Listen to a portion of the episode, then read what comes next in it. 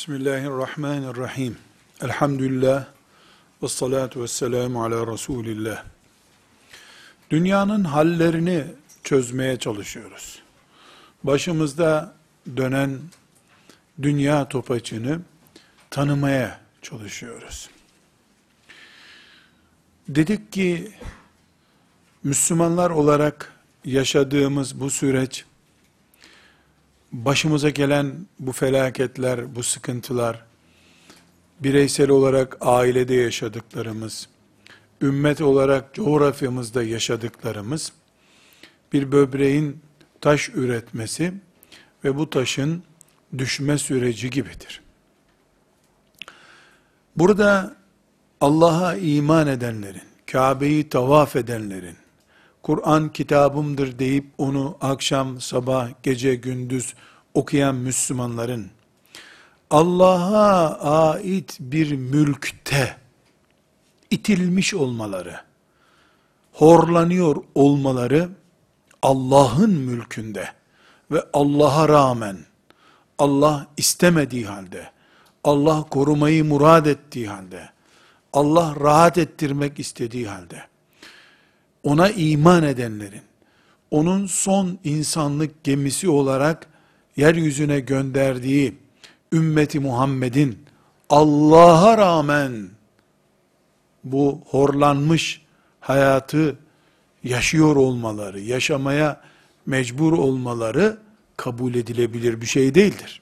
Kesinlikle mülk Allah'ın, din Allah'ın, peygamber Allah'ın, bu ümmet peygamberin ümmeti, şeriat Allah'ın şeriatı, Kur'an Allah'ın Kur'an'ı ve bu Kur'an'ı, bu şeriatı yaşamak isteyenlerin horlanıyor olmaları, itiliyor, kovuluyor, yok edilmek isteniyor olmaları kesinlikle Allah'a rağmen olamaz.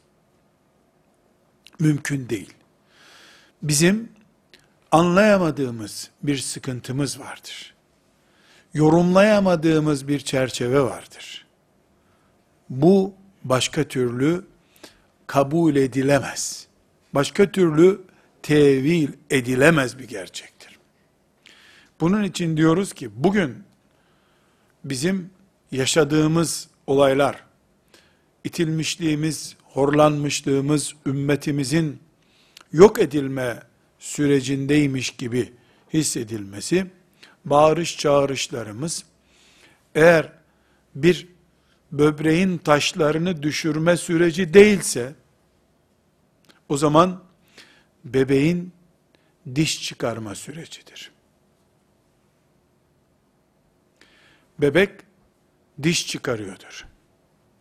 Hayatı ağzında çiğneyecek bebeğin anne sütü sürecini bitirmiş, artık lokmasını kendisi ısıracak kıvama gelmiş çocuğun, yaşını doldurmuş çocuğun, diş çıkarma sürecidir bu süreç. Yarın ekmek ısırırken zevklenecek çocuğun bugün diş çıkarma engamesini de yaşaması lazım. Bütün insanlığın hidayeti, kurtuluşu için gelmiş bir ümmet, bütün insanlık kadar çileye talip bir ümmet, kendi dişleriyle hayatı ısıracak, kendi dişleriyle gıdasını alacak bir ümmet, sadece Orta Doğu'da petrol kavgası yapan ve petrolü emdikten sonra enerji piyasasına sahip olduktan sonra akşam birasını içmek üzere evine çekilecek bir batı kültürü ümmeti değildir. Bu ümmet petrol emmek için değil, petrolün bulunduğu topraklarda Allah'ın dinini hakim kılmak için var bir ümmettir.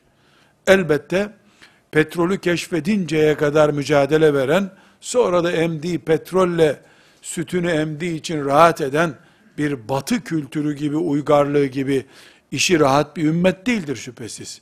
Bir diş çıkarıyor bu ümmet. Bebeğin diş çıkarırken günlerce bağırıp çağırıp ateşli hastalıkları varmış gibi görüntüsü aslında bebeğin hayatiyetinden kaynaklanıyor bu. Bebek diş çıkarırken bağırıyor, ağlıyor, annesini uyutmuyor, abilerini, ablalarını uyutmuyor, diş çıkarıyor. Aslında yarın yemek yemek için bugün sıkıntı çekiyor bu.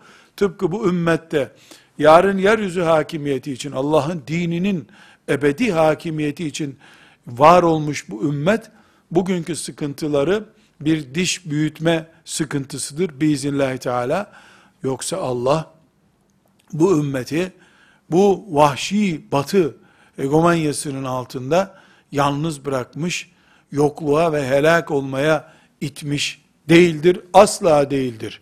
Böyle iman ediyoruz. Hadi biz insanlar olarak, biz iman edenler olarak bunu hak ettik diyelim. Ve Allah'ın kitabı var. Kitap onun kitabı. Şeriat Allah'ın şeriatı. Ümmet de onun ümmetidir. Onun peygamberinin ümmetidir. Önce doğru okumamız lazım. Bu çocuğun bağırışı, çığırışı ölümü geldiğinden değil diş çıkardığındandır. Diş çıkarırken annesini de uyutmuyor, kendisi de uyuyamıyor. Ondan dolayıdır.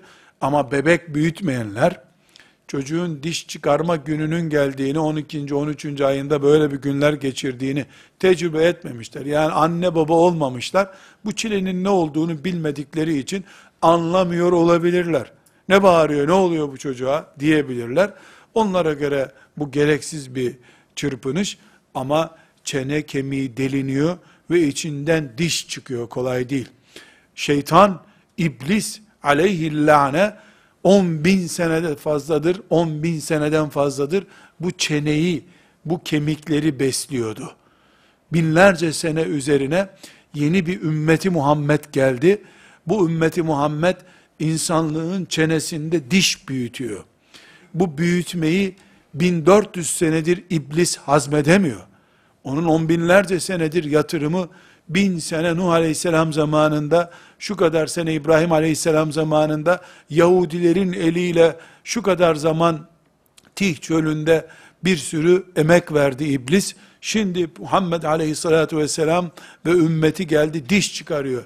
Elbette insanlığın mesela 40 bin sene ömrü varsa, 40 bin yıl bu dünyada yaşayacak diye bir projesi varsa insanlığın 1400 senedir diş çıkarma mücadelesi vermesi çok normaldir. Çünkü 10 sene 20 sene yaşayacak çocuk da bir ay diş çıkarma mücadelesi yapıyor. Bunu on binlerle yıl olarak çarptığımız zaman, on binlerle çarpıldığı zaman ve bütün insanlık kadar bir rakama böldüğümüz zaman, insanlığın 1500 sene mesela, 1600 sene ümmeti Muhammed adına diş çıkarma süreci yaşaması tabiidir. Bu tabiilik hayata kıyaslandığında normaldir. Ama hayatı, yeryüzünde varlığı kendi 50-60 senesinden ibaret zannedenler, ümmet kafasıyla kafalanamamış olanlar, kendisinden başka hayat telakki edemeyenler için ne oluyor diye feryadu figan etmeleri gayet normaldir. Bunu ayıplamak hakkımız yok bizim. Çünkü hayat ondan ibaret. Gemi onun suya basmadığı yer demek oluyor. Biz ise hayat deyince insanlık anlıyoruz. Yeryüzünde insanlık neyse bizim için hayat odur. İnsanlığın ömrü ne kadarsa hayatımız o kadardır. Biz, biz kendimiz şahsımızı, annemizi, babamızı, eşimizi, çocuklarımızı bu hayatın içinde bir noktanın oluşumunu sağlayan parçacıklardan ibaret görüyoruz kendimizi. Nokta bile değiliz. Nokta belki bizim zamanımızdır. Bizim ülkemiz belki bir noktadır sadece. O noktanın içinde de 80 milyondan bize ne kadar pay düşüyorsa o kadar bir şeyiz bu dünyada diye düşünüyoruz. Çünkü insanlık diyoruz. Bütün insan, Adem'in bütün çocukları diyoruz. Tekrar geri cennete gitmek üzere Allah'ın yarattığı milyarların bütününe biz insanlık diyoruz. O insanlıkta ümmeti Muhammed ayrı bir fonksiyonu vardır. O ümmet yeryüzüne sahip olmak, yeryüzün imar etmek sta'marakum fiha o yeryüzünün imarı için görevlendirilmiş bir ümmet olarak hazırlık sürecindeyiz diyoruz.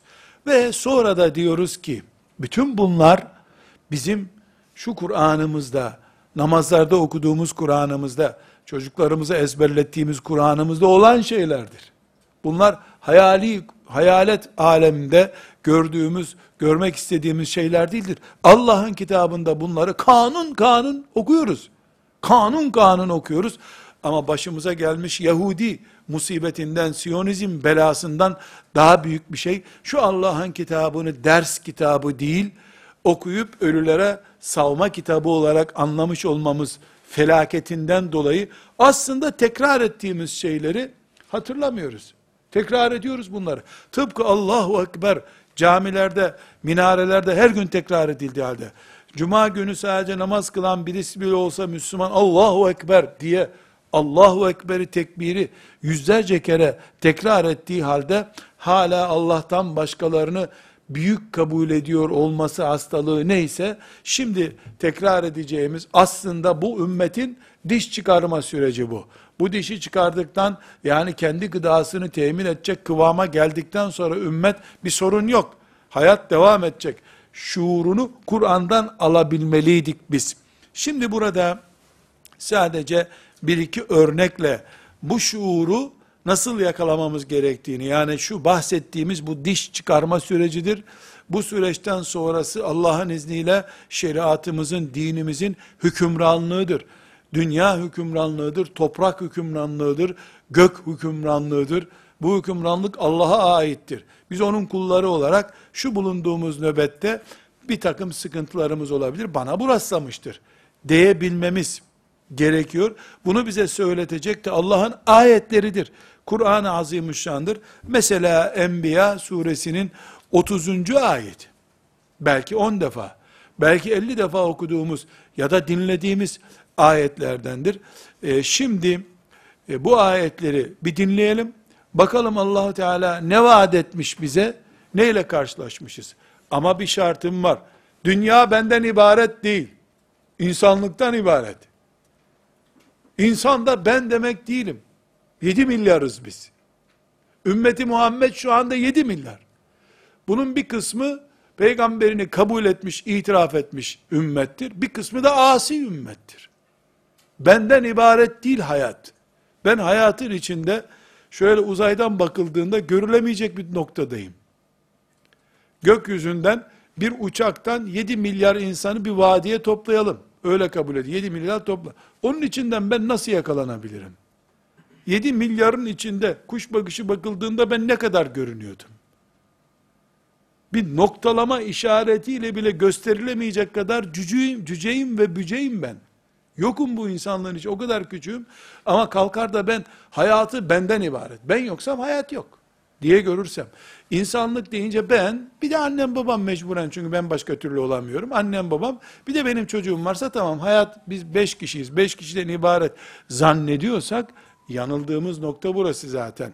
Hayat bütün insanlıksa, zaman Allah'ın yarattığı ilk insan Adem'den aleyhisselam son insan onun çocuğu olan son insana kadar devam eden sürecin adı ise eğer o zaman Allah ne buyuruyor? Enbiya suresinin 30. ayetinde ona blukum bişşerri vel hayri fitne ve ileyne turcaun sizi bir sınama olarak iyilikle de kötülükle de imtihan edeceğiz.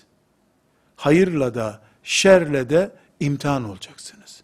Fitneten bir sınama tarzı olarak. Sınayacağız sizi.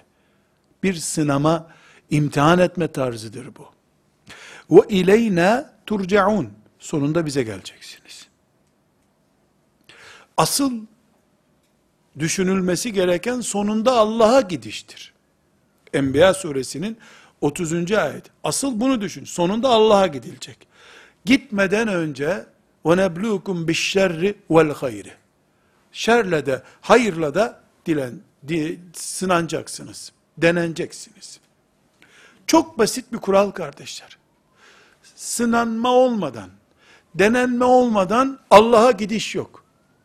Allah'a gidiş için muhakkak her yaratılan insan denenecek. Bu denenme de hep zulümle, despotlukla, istibdatla olmayacak. Hayır ve şerle olacak. Hayır ve şerle denenmek ne demek? Mesela Allah evlat verecek. Kimisi bu evlatın asi, vurdu kırdı olmasıyla imtihan olacak.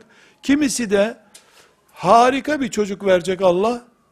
O harika çocukla sınanacak. Ya nasıl oluyor harika? Harika çocuğu harika kıvamda tutup tutamadığıyla sınanacak Allah. Nice anneler babalar kıyamet günü gelecekler. Allah onlara şöyle derya gibi insanlığa hizmet edecek bir çocuk, iyi bir mümin olacak bir çocuk vermiş, onlar onu becerip değerlendirememişler. Fıtratı güzel çocuktan serseri yetiştirmişler. Dolayısıyla imtihanı kaybetmiş olarak gelecekler.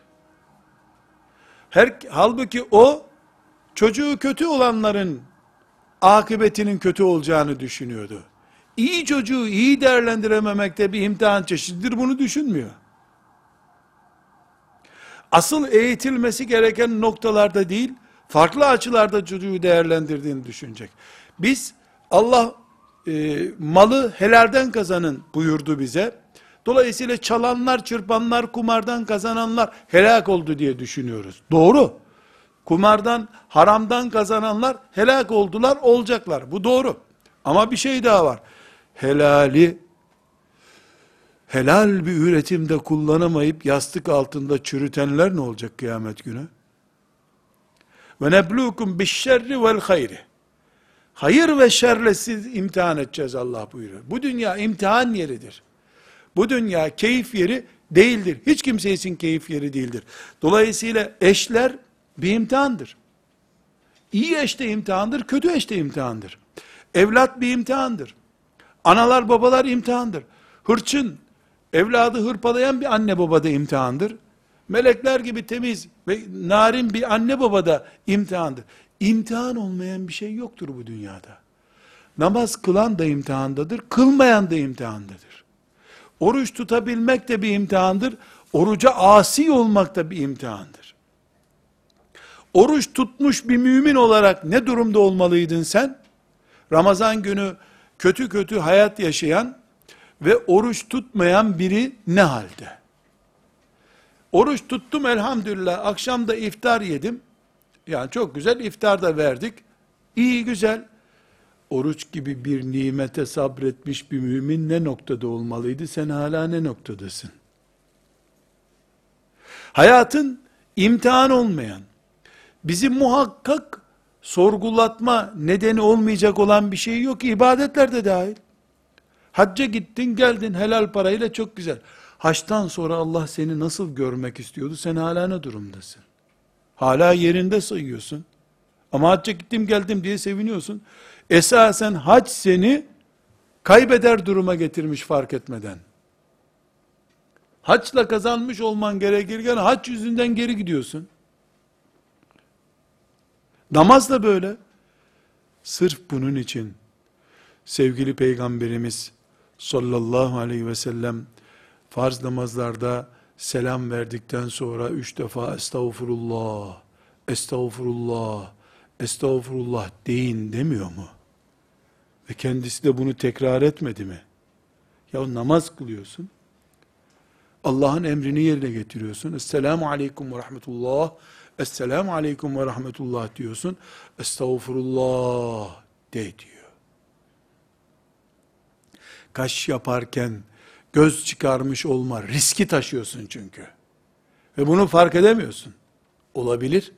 Bunun için istiğfar et buyuruyorum. Biz şu hayatta diş çıkaran bir ümmetin sancısını yaşayıp yaşamadığımızı anlamak için kitabımızdan, Kur'an'ımızdan anlamak zorundayız. Anlamamız gereken kanunlardan biri de nedir? Dünya hallerini anlayabilmek için Rabbimiz sadece Ebu Cehil ve Ebu Leheb'le imtihan etmiyor. Daha sonra Peygamber aleyhisselamın yanı başında müşriklerin saldırısı olmadan rahat oturup iki rekat sabah namazını kıldığın zaman da imtihan halindesin. Bunu anlamamız lazım. Hayat olduğu gibi imtihandır. 24 saat imtihandır. Ömür boyu imtihandır. Bil hayri, bil şerri vel hayri. Şerle de, hayırla da imtihandır. Böyle anlayabildiğimiz zaman Allah'ın izniyle nimetleri tam nimet olarak yaşarız. Nimet olmadığını zannettiğimiz şeyleri de akıbet olarak nimete dönüştürebiliriz. Burada ikinci bir kanun anlamamız lazım. O kanun şudur. Bir miktar açılım yapayım.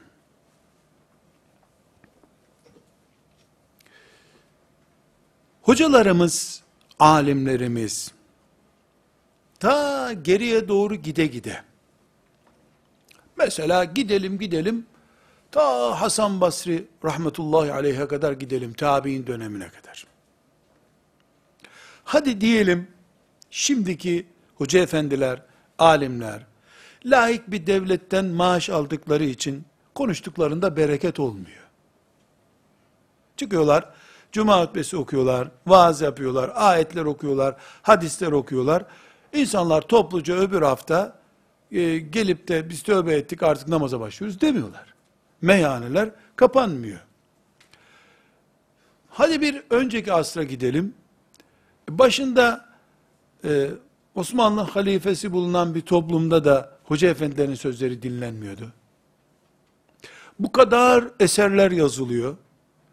Bu kadar kitaplar oku. Hadi eskiden bu kitaplar kütüphanelerde vardı sadece. Şimdi Müslümanların evlerinde musaf, tefsir, her şey var elhamdülillah. Kütüphane gibi evleri var Müslümanların. Hadi diyelim Hasan Basri sadece Basra'da konuşuyordu. Rahmetullahi aleyh. Fudayl bin İyad sadece Mekke'de konuşuyordu. Dolayısıyla diğer insanlar duymuyordu.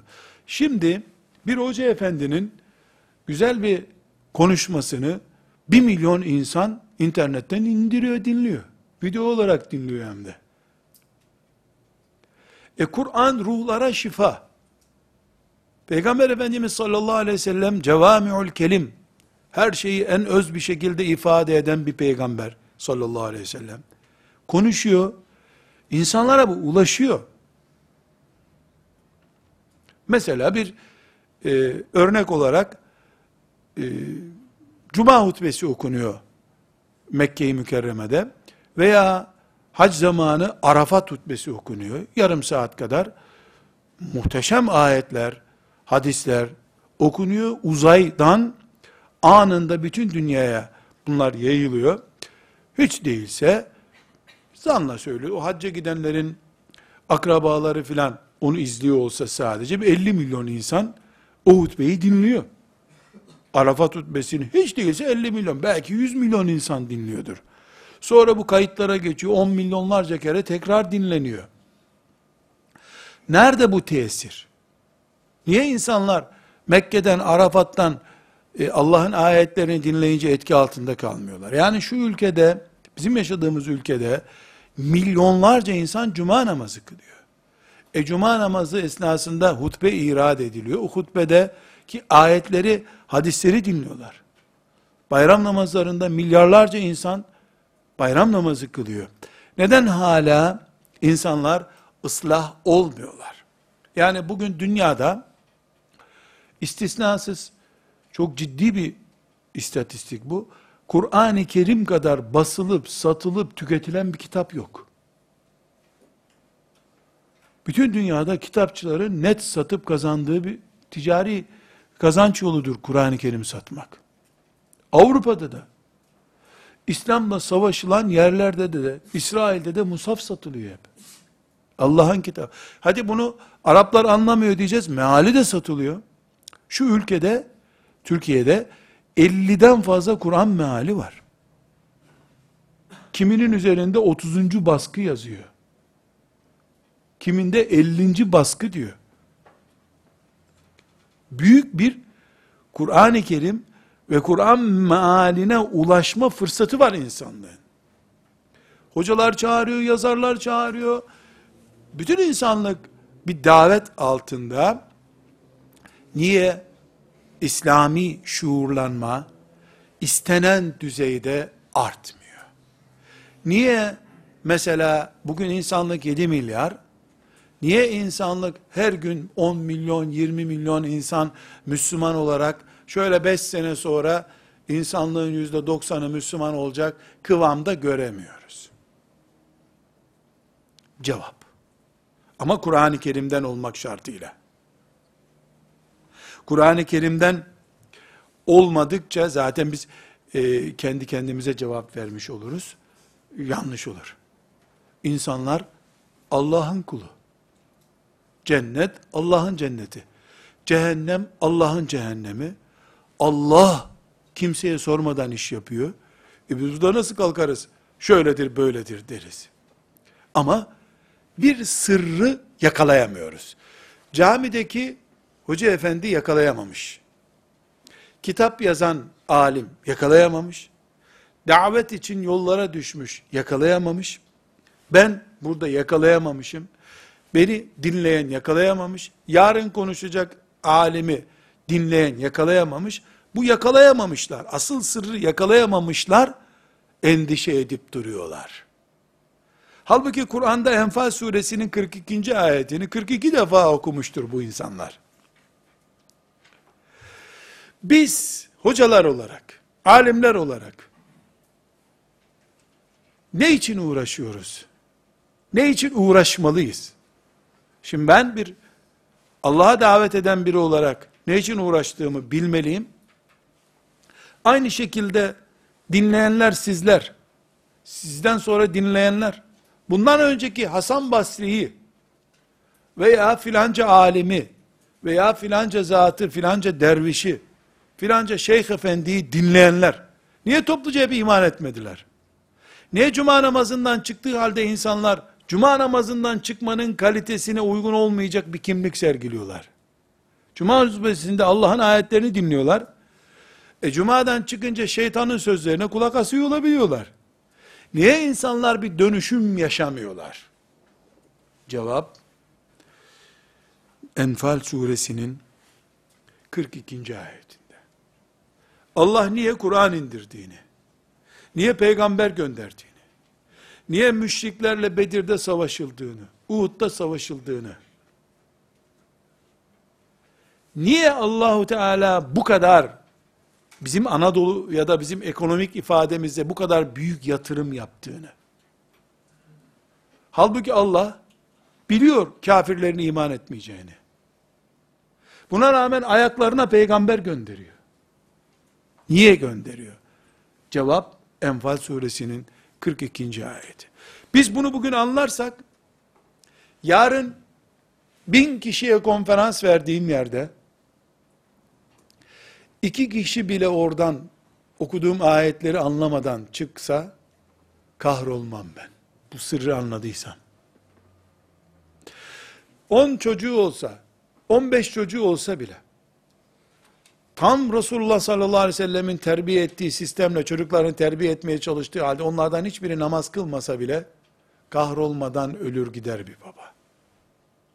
Eğer bu sırrı anlamazsa camiye gönderdim namaz öğrettim diye. Ben cuma günü vaaz ettim diye. Ya da biz oturup aylardır konferans veriyoruz diye. Herkesin yüzde yüz Allah'ın aradığı gibi kul olacağını zannedenler sonunda hayal kırıklığına uğrarlar. Şimdi ayeti dinleyelim. Ayet Bedirli günlerden bahsediyor. Medine'deki ağırlıktan bahsediyor. Resulullah sallallahu aleyhi ve sellemin eline kılıç almak zorunda olmasının sonuçlarından bahsediyor. Ne buyuruyor Allah? men heleke an beyinetin ve yahya men hayye an beyinetin. Liyehlike men heleke an beyinetin ve yahya men hayye an beyinetin. 7 milyara bak. 7 milyara. Şu andaki insan kitlesine. Bu 7 milyara yukarıdan aşağıya Allah'tan korkun. Kul olduğunuzu hatırlayın. Cehennem tehlikededir diyen Resulullah sallallahu aleyhi ve sellem ve onun adına konuşan Allah'a davet edenlere bak. Hadi bunlara bakamıyorsun. Milyonların kulağına her gün beş defa Allahu Ekber diye giden ezan sesine bak. Her gün beş defa on metre ötesinde hoparlörle bağırılan Allahu Ekber hayy ala salah sesini duyduğu halde ben ateistim diyen nesilleri anlamaya çalış. Yahu bu kadar ezanın 20 senedir duyduğum bu ezanın bir kerecik hatırı yok mu ya? Dört kişi götürmeden yürüyerek bir gitsene şu camiye. Dendiği halde gidemeyenlere bak. Ve hala bu masrafı niye yapıyor Allah? Ve bunların akıbette bu ezanı dinlemeyeceklerini de biliyor Allah. Allah her şeyi biliyor. Her şeyi biliyor. Kimin akıbetinin ne olacağını biliyor Allah. Buna rağmen niye bu kadar yatırım yapılıyor? On binlerce peygamber, yüz binlerce peygamber aşıkı ve peygamber adına aleyhisselam dünyada Allah'ın dinini yaymaya çalışan alemi, hocası, dervişi, zahidi, yazarı, davetçi insanlar. لِيَهْلِكَ مَنْ هَلَكَ عَنْ بَيِّنَةٍ وَيَحْيَا مَنْ حَيَّ عَنْ بَيِّنَةٍ Ölüp giden belgesi belli olsun. Yaşayanın da hak ediş belgesi belli olsun. Hak edişler, cehennemi hak ediş belli olsun, cehennemi hak ediş belli olsun. Allah bunu biliyor ama ayağına onlarca kere gitmiş alimlere rağmen, kulağına ulaşmış ezan sesine rağmen açılmayan kalp kapakçıkları bir belge olarak kıyamet günü önüne konsun diye. Ölen belgeli ölsün. Hak ediş belgesi olsun. Cehennemi hak ediş belgesi. Yaşayan da iman üzere yaşayıp diri yaşayan, kalbi canlı olan da o canlılığın hak ediş belgesini sahiplensin diye. Burada ne anladık şimdi? Ne oldu? Yahu kardeşim, peygamber dahil, Allah'a çağıranlar, rakam biriktirmek için yapmıyorlar bunu. Oy toplamak, kalabalık oluşturmak için yapmıyor. Allah bunun için yaptırtmıyor. Bunun asıl nedeni, kıyamet günü hak ediş belgeleriyle cennete girilsin hak ediş belgeleriyle cehenneme girilsin diye Allah bütün bu kainattaki düzeni kurmuş. Değer miydi bu kadar yatırıma? Değmez miydi? Kul olarak bunu sorma hakkına sahip değiliz. Onun için diyoruz ki, deriz ki, demeliyiz ki, 10 tane genç İslam devleti kurmak, şeriat sistemini oluşturmak için, yola çıkarlar. Kuramayınca bu devleti 20 sene sonra çöker, moralsiz bir şekilde Rablerine giderler. İslam devleti kurmak için bir çalışma yapmak kağıt üzerinde güzel bir çalışmadır. Asıl çalışma İslam devleti kurarken çalışmış çalışmanın hak ediş belgesi olarak Allah'ın rızasını kazanmış delikanlı olmak için yaşamaktır. Eğer bu ikinci tarzda çalışırsa bir insan, İslam devleti de kursa, kurmasa da kazanmış olarak gider. Birinci düzeyde kalan ise kuramadığı zaman o devleti helak olup gider. Neyin helakine uğrar? Aradığını bulamadı. Kendinden sonrakiler de bulamadı. Biz Yunus aleyhisselama bakıyoruz Allah'ın bir peygamberi. Yüz bine yakın ümmeti varmış. E Lut aleyhisselama başka ümmetlere, peygamberlere bakıyoruz. On kişi yok. On kişi yok. Nuh aleyhisselamda yüz bin değil yüz kişi yok. Ama hepsi Rabbim beni üzerime düşeni yaptım. Yapıyorum. Bunun için fedakarlıktayım. Uykusuz kalıyorum. Şeklindeki kıvamımda görsün diye çalışanlar kazanıp gittiler. Mücerret bir belge, minareleri, işte bakanlıkları olan bir İslam devleti kurmak için yola çıkanlar, bunu yapamayınca hem kendilerini kahrettiler, hem de asıl yapılması gereken ana gayeyi bir kenara bıraktıkları için belki de Allah'ın rızasında da sıkıntı yaşayacaklar. Şüphesiz kimin niyeti nerede saklıdır onu Allah bilir. Burada bugün dünya hallerini çözerken kesinlikle unutmamamız gereken Enfal suresinin 42. ayetidir. Bir de bu ayeti perçinleyen ve hep bütün ümmeti Muhammed'e bir slogan gibi aktarılması gereken Bakara suresinin 272. ayeti vardır. Leyse aleyke hudahum. Peygamber aleyhisselama hitap ediyor ayet. Leyse aleyke hudahum. Bu insanların hidayete ermeleri senin işin değil. Leyse aleyke senin üzerine değil bu iş. Kimin üzerine? وَلَاكِنَّ اللّٰهِ يَهْدِي مَنْ يَشَاءُ Hidayet Allah'ın elindedir. Senin elinde değil. Allah'a davet eden peygambere leyse aleyke hudahum diyor Allah. Buna rağmen o kapı kapı gidiyor ama. Bugün biz bir dernek kurduk diye, şehrin göbeğinde bir cami yaptık diye, insanlar oraya gelip üç gün içerisinde full Müslüman olup gidecekler diye bir kural oluşturamayız ki. Peygambere bile Allah leyse aleyke hudahum. Onların hidayet ermeleri senin elinde değil. Buyurdu. E bir cami imamının elinde ne olabilir ki? Bir kitap yazarının elinde ne olabilir ki? Bir vakıf kurmuş ve çok 24 saat çalışıyor, bu uğurda hastanelere düşecek kadar gayret ediyor bir alimin elinde ne olabilir ki? Yürekler Allah'a bağlı. Birbirine bağlı değil insanlarla. Hiçbir alime bağlı yürek yoktur. Yürekler Allah'a bağlıdır. Kalpler yani yürekler Allah'ın iki parmağı arasındadır diyor Efendimiz sallallahu aleyhi ve sellem. Dilediği gibi hareket ettirir onları.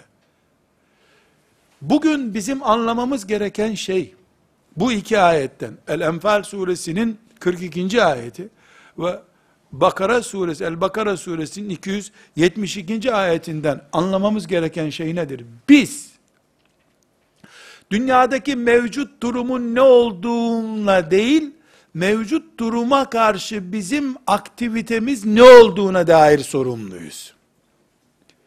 Dünyanın nerede durduğu değil, bizim duran dünyanın neresinde durduğumuz önemli. Allah'tan yana, gecesini gündüzünü Allah'la dertlenmiş insanlar olarak mı duruyoruz? Yoksa maddi imkanlarımızla bir şeyler yapıp dünyayı çevireceğimize mi inanıyoruz? İkisi arasındaki fark nedir? Akıbetimizdir bizim. Burada Hac e, suresinin 41.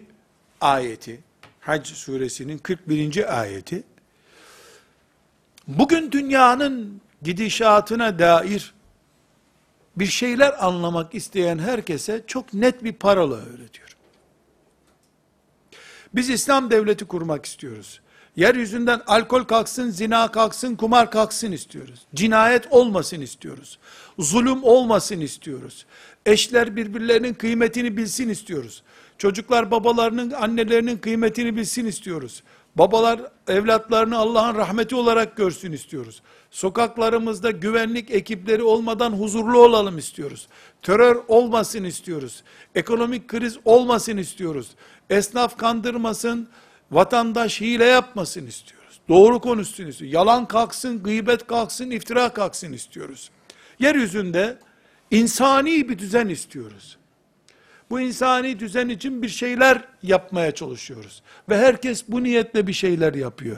Ama Hac suresinin 41. ayeti ne diyor? وَلِلَّهِ عَاكِبَةُ الْاُمُورِ İşlerin son kararını Allah verir. İş gider Allah'a dayanır. Kafirlerin şeytanın emriyle yaptıkları bütün işlerde sonunda Allah'a dayanıyor. O hükmediyor da oluyor o iş. Müminlerin yaptığı bütün işlerde Allah'a dayanıyor. Allah'ın emriyle iş yaptığı için meleklerin yaptığı işlerde zaten Allah'a dayanıyor. وَلِلَّهِ عَاقِبَةُ الْاُمُورِ İşlerin sonu Allah'a gider. Bunu avuçlarımızın içine yazmamız lazım. Solak yazıyorsak sağ avucumuza, sağ elle yazıyorsak sol avucumuza yazıp haftada bir değil, saatte bir değil, 10 dakikada bir bakmak lazım. Hatta şöyle bir uygulama değişik bir şey olabilir. Yapalım. Haber internetten izleyenler buna bir bakıp velillahi akıbetül umur sonra o habere bakmalı. Haberden sonra da bir daha bakmalı. Yemekten önce yemekten sonra bazı ilaçlar alınıyor ya. Velillahi akıbetül umur. Filan yerdeki trafik kazasında da velillahi akıbetül umur. Filan yerdeki terör olayından sonra da velillahi akıbetül umur. İşlerin sonu Allah'a gidecek. Bu ne biliyor musunuz? Biz çok güçlüyüz, Allah da güçlü demekle Allah'tan başka güç sahibi yok demek arasındaki farktır bu. Tek güç sahibi Allah'tır. İman ederek, hazmederek bunu söyleyen birisi velillahi akıbetül umurdaki sırrı da anlar. Madem velillahi akıbetül umure iman etmek zorundayız. Yani elbette e, iman ediyoruz elhamdülillah ama şimdi mesela kendimize bir soru aralım. Velillahi akıbetül umur diye bir heyecan var mı bizde? İşlerin sonu Allah'a gidecek nasıl olsa. Ben rolümü yaparım. Bana verdiği görevi dinimin yerine getiririm. Eğitimse eğitim, cihatsa cihat, infaksa infak, sabırsa sabır yaparım. Şu anda akşam ne oldu? Velillahi akıbetül umur. Lut aleyhisselam da rolünü oynadı. Allah'ın emrini yerine getirdi, çekti gitti. Velillahi akıbetül umur. Dünyayı helak etmek istiyormuş Allah. Bana ne? Ben vazifemi, Rabbimin emrini yerine getirdim mi? Gençliğimi Allah için harcadım mı?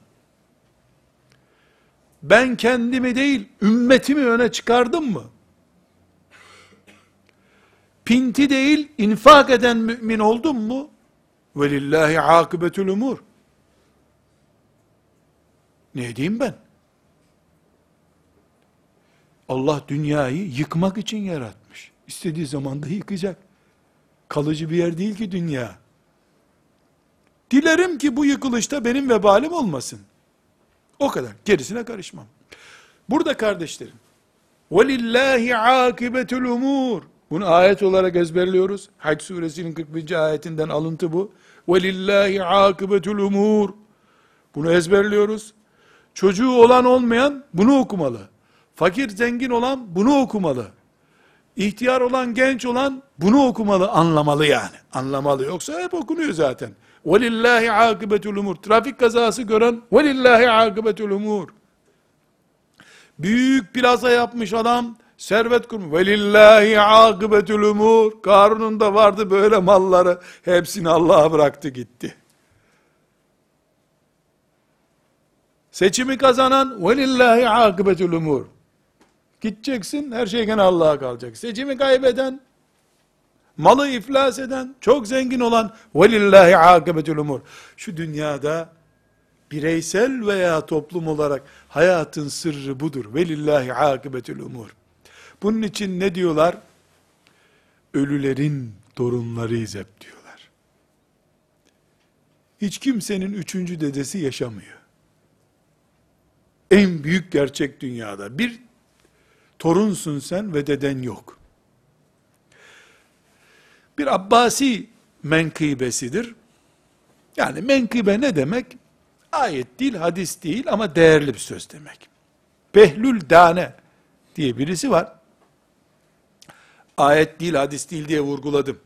Ama çok etkin bir söz. Bu ısrarla Harun Reşid'in yanına girmek istemiş. Harun Reşid yani tam anlamıyla Müslüman bir imparator. Ha tek adam yani böyle 20 yıl ümmeti yönetmiş. Yani şöyle bir zevki varmış. Bir sene hacca gidermiş, bir sene bir ülkeyi fethedermiş. Böyle şey sıraya koymuş. dinlenmek için hacca gidiyor, öbür sene bir ülke fethediyor. Böyle bir güzel günler yaşatmış. Tenkit edilecek tarafı da çok. Yanlışları da var. Allah mağfiret etsin ama iyi işleri. Bir gün onunla görüşmek istemiş. Bundan sonra tabi saray gibi bir yerde yaşıyor Harun Reşit. Bu da zühdüyle meşhur, tasavvufta adı çok kullanılan birisidir. Behlül Tane diye bir isim. Ee, bir gün Harun Reşit'in önüne becermiş çıkmış. Kendisi de zamanında saraylarla bağlantısı var birisi. Demiş ki, Behlül Tane, sen kimsin demiş. Sen bilmiyor musun beni? Emirül Müminin Harun Reşit denen adam. Ha, sen ne özelliğin var demiş. İşte görüyorsun bu saray benim demiş. Sana bir şey soracağım demiş. Matematik bilmecesine dikkat edin. Senden öncekiler de benim diyordu. Sana nasıl geçti bu demiş. Birinden birine geçen şey onun olmaması lazım demiş. Meczup diye de bunu dışarı atmışlar. Bilmecesi çok karışık çünkü. Birinden başkasına geçen şey senin nasıl oluyor demiş. Baban da öyle diyordu. Bak onun olmadığı ortaya çıktı. Çıkarken de velillahi akıbetül umur deyip çıkmış dışarı. Velillahi akıbetül umur.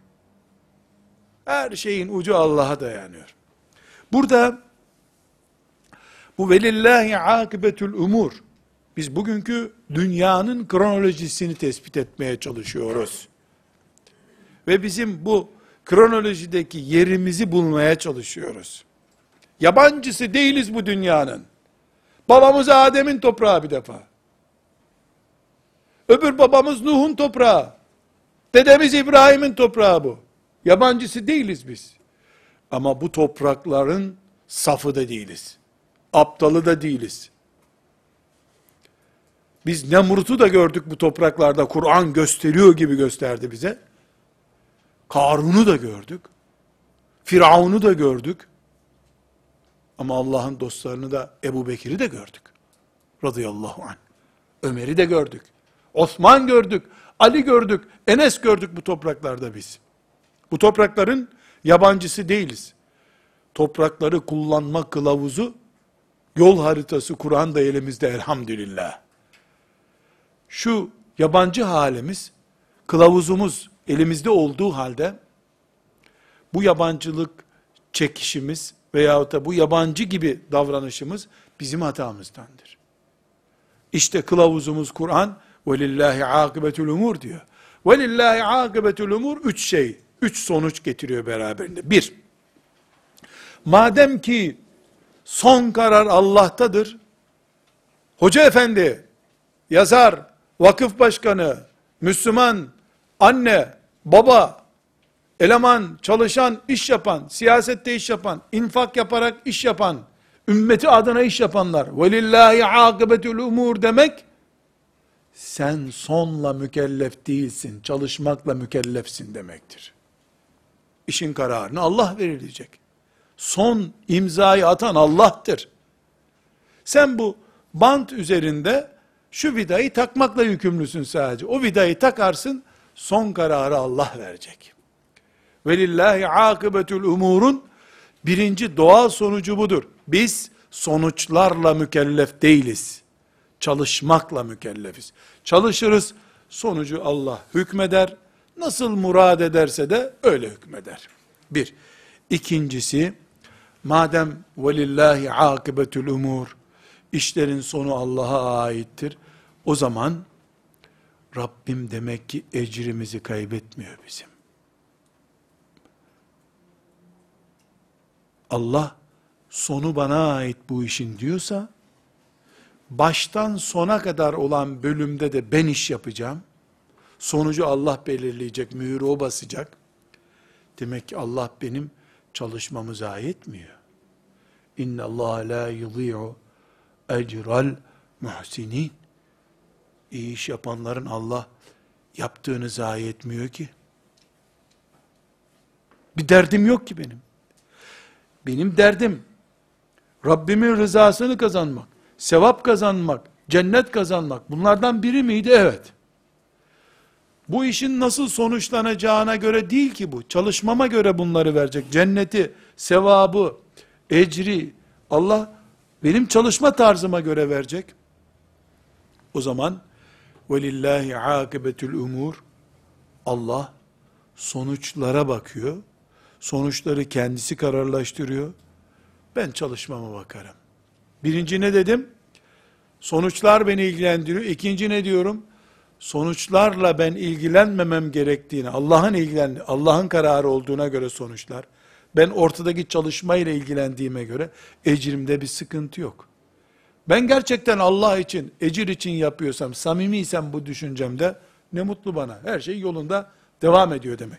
Üçüncü olarak da şimdi burada bütün ümmet adına bir iş yaptığını düşünen siyasetçiden, vakıfçıdan, dernekçiden, bir camide imam efendiden, minarede ümmeti Muhammed'in ezanını yükseltenden, bu çocuğu Rabbimin rızası için doğurup büyütüp yetiştireceğim diyen bütün anneler, ümmeti Muhammed olarak dik durmaya çalışanlar, Hac suresinin 41. ayetini avuçlarına yazarak, her gün ona bakıp, haber bülteni izlemeye çalışanlar, dünyadaki olayların asıl hükümranının Allah olduğunu takdir edebilecek yürek sahipleri, bu ayette ne anlarlar? Akibete benim yetişmem mümkün değil. Dünyanın kaç senesi var? Demek ki ben, akıbeti oluşturacak işlerden birini yapıyorum. Yani bugün çalışıyorum, yarından mesul değilim. Biz ümmeti Muhammed olarak, bugün dünya düzelsin diye bir derdi olan ümmet değiliz. Düzelsin isteriz. Düzelip düzelmediğinde acelemiz yoktur bizim. Bugün ben bir çocuğu hafız olarak yetiştiriyorsam, bugün ben burada ders yapıyorsam, bugün ben sabah namazında ezan okudum Müslümanları camiye çağırdıysam, bu, bugün dünyanın hepsi namaz kılsın diye değildir ki, namazlı bir dünyayı sonunda Allah kavuşturacak.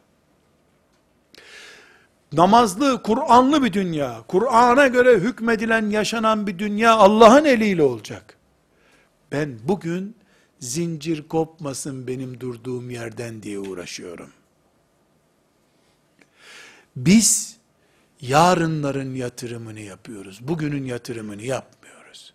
Bugün ben bir halka atıyorum, yarın atılacak, öbür gün atılacak, sonunda Allah hükmünü verecek. وَلِلَّهِ عَاقِبَةُ umurun doğal üç sonucu var dedik. Birincisi sonuçlar Allah'a ait demek ki. Bu net anlı. İki, ben sona gelsem, başa gelsem, ortada kalsam bir şey değişmiyor ki. Allah benim ecrimi veriyor. Benim derdim de Allah'ın sevabını kazanmaksa, bitti rahat ettim. Üç, biz Allah için çalışıyorsak, bu da Allah'ın en sonunda vereceği bir hükümle olacaksa, demek ki biz bugün için çalışmıyoruz. Bugün çalışıyoruz ama yarına yatırım yapıyoruz. Bu kırbaç yiyen Bilal, o kırbaçları o gün için mi yedi, şimdi Sultanahmet Camii'nde ezan okunsun diye mi yedi sorusunun cevabıdır işte. O gün kırbaç yedi Bilal, bugün Sultanahmet Camii'nde ezan okunuyor. Süleymaniye Camii'nde ezan okunuyor. Bugün de ezan için kırbaç yiyenler, ya da 1930'lu yıllarda ezansız bırakılan İstanbul'da sinsi sinsi İslam yok edilsin diye uğraşılırken, bodrumlarda, kömürlüklerde, ormanlarda Allah'ın ezanını susturmamak için gayret edenler, bugünkü okunan ezanların enerjisini kurdular. Ümmet olmak bu demek zaten. Bütün insanlık bandı üzerinde kendini görmek bu demek zaten. İnsanlığı kendinden ibaret, kendi menfaatini bütün insanlığın menfaati zannetmekle, ben bugün Mekke sokaklarında kırbaçlanayım, 1400 sene sonra İstanbul'da ve Ankara'da Allahu Ekber densin diye düşünen Bilal olmak arasındaki farktır bu. Bugün belki ben şehit olurum, inşallah benim toprağa düşüşüm, toprakta kanımın ezil akması gitmesi, o toprağın yeşermesi olacak belki de. Ama başkaları ölsün de ben o yeşilliği göreyim diye düşünmek zaten ümmet olmamak demektir. Ümmet kıvamına gelememek demektir. Velillahi akibetul umur. Duydukça mümin bunu anlar. Velillahi akibetul umur oldu mu? Oldu tabi işte Bilal'le oldu. Mus'ab Uhud'da parça parça şehit düştü. Ama Medine'de gel sen Allah'ın Kur'an'ını anlatayım dediği adamlarla kurulan devlet bugün bize İslam olarak geldi elhamdülillah. Eğer sen Medine'ye git, Yesrib'e git dediği zaman Resulullah sallallahu aleyhi ve sellem ben daha yeni evleniyorum, tayinim çıkmasaydı, yaşlılardan birini göndersen ya Resulullah deseydi, hani tayini çıkmasın da Mekke'de kalsın düşünseydi, Mus'ab radıyallahu anh, bugün İslam olacak mıydı? Bu soruların cevabını bulmak zorundayız. وَلِلَّهِ عَاقِبَةُ umur bir sırdır. Bu sırrı yakalayanlar, bugün ben bir hiç durumundayım. İftira edilmiş, malım elimden alınmış, zindana atılmışım. Olsun ümmeti Muhammed devam ediyor. Bunu onlarca örneğiyle keşfetmemiz mümkündür kardeşlerim. Şeyh Şamil'i hepimiz biliyoruz. Ne kahraman adam değil mi? Çarla ne kadar uğraştı, savaştı. Güzel dinini korudu, namusunu korudu, gitti diyoruz. Bu velillahi akıbetül umur mantığına baktığımızda ise bugün 100 seneye yakın bir zaman insanlığı kemiren komünizmden sonra baktık ki komünizm kar gibi, buz gibi işgal ettiği topraklardan kalktıktan kısa bir zaman sonra Şeyh Şamil'in canını verdiği topraklarda ezan yeniden yükseldi. O zaman Şeyh Şamil boşuna uğraştı. Çar ona teklif ediyordu, otur karşılıklı masada yiyelim içelim bu iş bitsin diyordu. Kabul etmedi. 100 sene sonra, 150 sene sonra canlı bir İslam çıktı ortaya. Velillahi akıbetül umur bu işte. Halbuki sen bana dokunma ben sana dokunmayayım. Tamam ben namaz kılacağım sen de şarabını iç deseydi Şeyh Şamil. O zaman eriyip gidecekti İslam belki. Kendini düşünmüş olacaktı. Buna onlarca, yüzlerce örnek tarihten buluruz. Hiç tarihe kadar uzun yolculuklara gerek yok kardeşlerim. Kendi özel hayatımıza bakalım Sabah namazına kalkarken ki genç günlerimize sabah namazına kalkarken ki sabrımıza bakalım. Genç kızların emsallerinin saçılıp savrulmasına karşı buluğa erdiğim günden itibaren başımı açmam Rabbim diye sebat etmelerinin daha sonra nasıl bir annelik olarak, nasıl bir neslin aslı olmakla şereflendirildiğine bakalım. وَلِلَّهِ عَاقِبَةُ الْاُمُورِ Değil Suriye. La Allah. Arap Yarımadası olduğu gibi helak olsa bile oturup kahrolmamam gerekiyor. Neden? وَلِلَّهِ عَاقِبَةُ umur çünkü. Enes İbn Nadr radıyallahu anh Uhud'da Resulullah sallallahu aleyhi ve sellemin öldürüldüğü şayası çıktığında ne dedi? Eyvah Muhammed öldü diye matem tutmadı. Kalktı, dikildi. İyi, madem Muhammed öldü, biz ona iman edenler olarak öldüğü yolda niye ölmüyoruz da oturuyoruz burada? Velillahi akıbetül umur kafası bu işte. Kafa bu kafa. Velillahi akıbetül umur. Radıyallahu anhum cemiyan. Dünya ahvalini çözmeye çalışıyoruz. Evet kardeşlerim, bir çetin çözüş bu. Yani kör düğüm olmuş gibi görünüyor. Ama Kur'an'ı kendisine gözlük edinenler, görüyorsunuz gibi sıkıntı çekmiyorlar. Kolay anlaşılıyor. Ama kılavuzumuz karga olursa çöplüklerden geri gelemeyiz şüphesiz. İnternet haberleriyle dünya olaylarını çözmeye çalışırsan sen de haber konusu olursun. Çıldırdı diye haber konusu olursun. Genç yaşta saçın dökülür. Genç yaşta kanser olursun. Ama velillahi akıbetül umur düzeyine gelenler için biiznillah sıkıntı yok. Ve sallallahu ve sellem ala seyyidina Muhammed ve ala alihi ve sahbihi ecma'in velhamdülillahi rabbil alemin.